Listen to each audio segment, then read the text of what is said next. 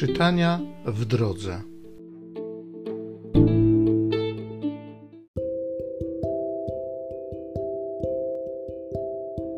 Z księgi proroka Izajasza. Pocieszajcie, pocieszajcie mój lud, mówi wasz Bóg.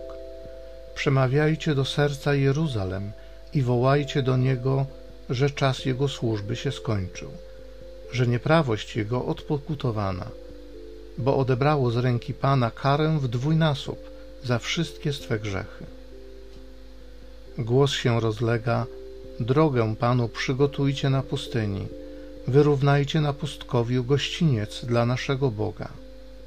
Niech się podniosą wszystkie doliny, a wszystkie góry i pagórki obniżą. Równiną niechaj się staną urwiska, a strome zbocza niziną Wtedy się chwała Pańska objawi. Razem ją każdy człowiek zobaczy, bo usta Pańskie to powiedziały. Głos się odzywa: Wołaj. I rzekłem: Co mam wołać? Wszelkie ciało jest jak trawa, a cały wdzięk jego jak polnego kwiatu. Trawa usycha, więdnie kwiat, gdy na nie wiatr Pana powieje. Prawdziwie trawą jest naród, trawa usycha, więdnie kwiat, lecz słowo Boga naszego trwa na wieki. Wstąp na wysoką górę, zwiastunko dobrej nowiny na Syjonie. Podnieś mocno Twój głos, zwiastunko dobrej nowiny w Jeruzalem. Podnieś głos, nie bój się. Powiedz miastom judzkim, oto Wasz Bóg. Oto Pan Bóg przychodzi z mocą i ramię Jego dzierży władzę Oto jego nagroda z nim idzie i przed nim jego zapłata. Podobnie jak pasterz pasie on swą trzodę, gromadzi ją swoim ramieniem, jagnięta nosi na swej piersi, owce karmiące prowadzi łagodnie.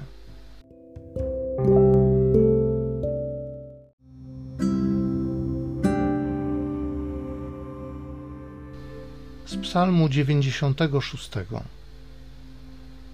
Oto nasz Bóg przyjdzie z wielką mocą. Śpiewajcie Panu pieśń nową. Śpiewaj Panu, ziemio cała. Śpiewajcie Panu, sławcie Jego imię. Każdego dnia głoście Jego zbawienie. Głoście Jego chwałę wśród wszystkich narodów. Rozgłaszajcie Jego cuda pośród wszystkich ludów. Głoście wśród ludów, że Pan jest królem będzie sprawiedliwie sądził ludy. Niech się radują niebiosa i ziemia weseli. Niech szumi morze i wszystko, co je napełnia. Niech się cieszą pola i wszystko, co na nich rośnie. Niech wszystkie drzewa w lasach wykrzykują z radości. Przed obliczem Pana, który już się zbliża.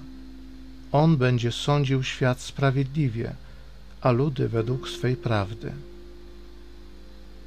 Oto nasz Bóg przyjdzie z wielką mocą.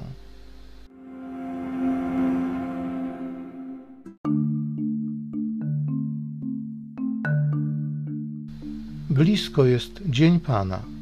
Oto przyjdzie, aby nas zbawić.